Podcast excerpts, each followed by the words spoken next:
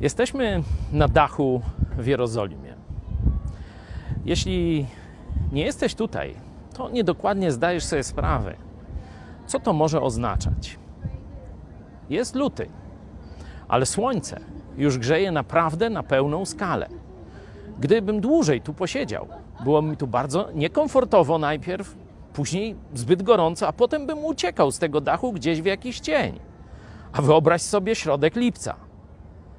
Bóg dał Żydom święto namiotów, gdzie albo mieli iść na pustynię, no, gdzie słońca jest co niemiara, gdzie tylko może jakieś liście dawały cień, jakieś szałasy, albo kazał im w tym czasie na tydzień przenieść się na dach.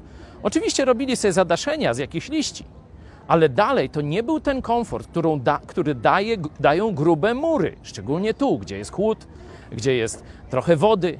Tu jest ciągle sucho i gorąco.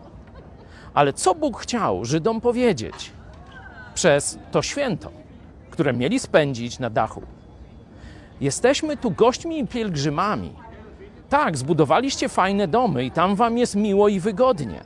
Ale tu na ziemi jesteśmy tymczasowo i uwaga, zawsze ci będzie jakoś niewygodnie. Zawsze będzie jakieś niebezpieczeństwo.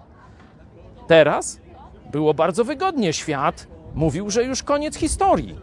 A tu zobaczcie, teraz każdy się chowa przed koronawirusem. Dopiero kiedy będziemy w niebie, wtedy odpoczniemy. Tu pracujemy dla Jezusa i powinniśmy mieć świadomość, że to nie jest ostateczne miejsce naszego przeznaczenia. Tu zawsze będziemy cierpieć jakieś niewygody. To święto.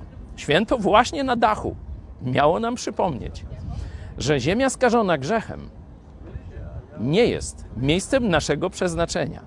Chwała Bogu, chwała Jezusowi Chrystusowi, że przygotował dla nas dom w niebie, najwspanialszy, bez żadnych zmartwień, bez żadnych znie- z- nieszczęść i bez żadnych niedogodności.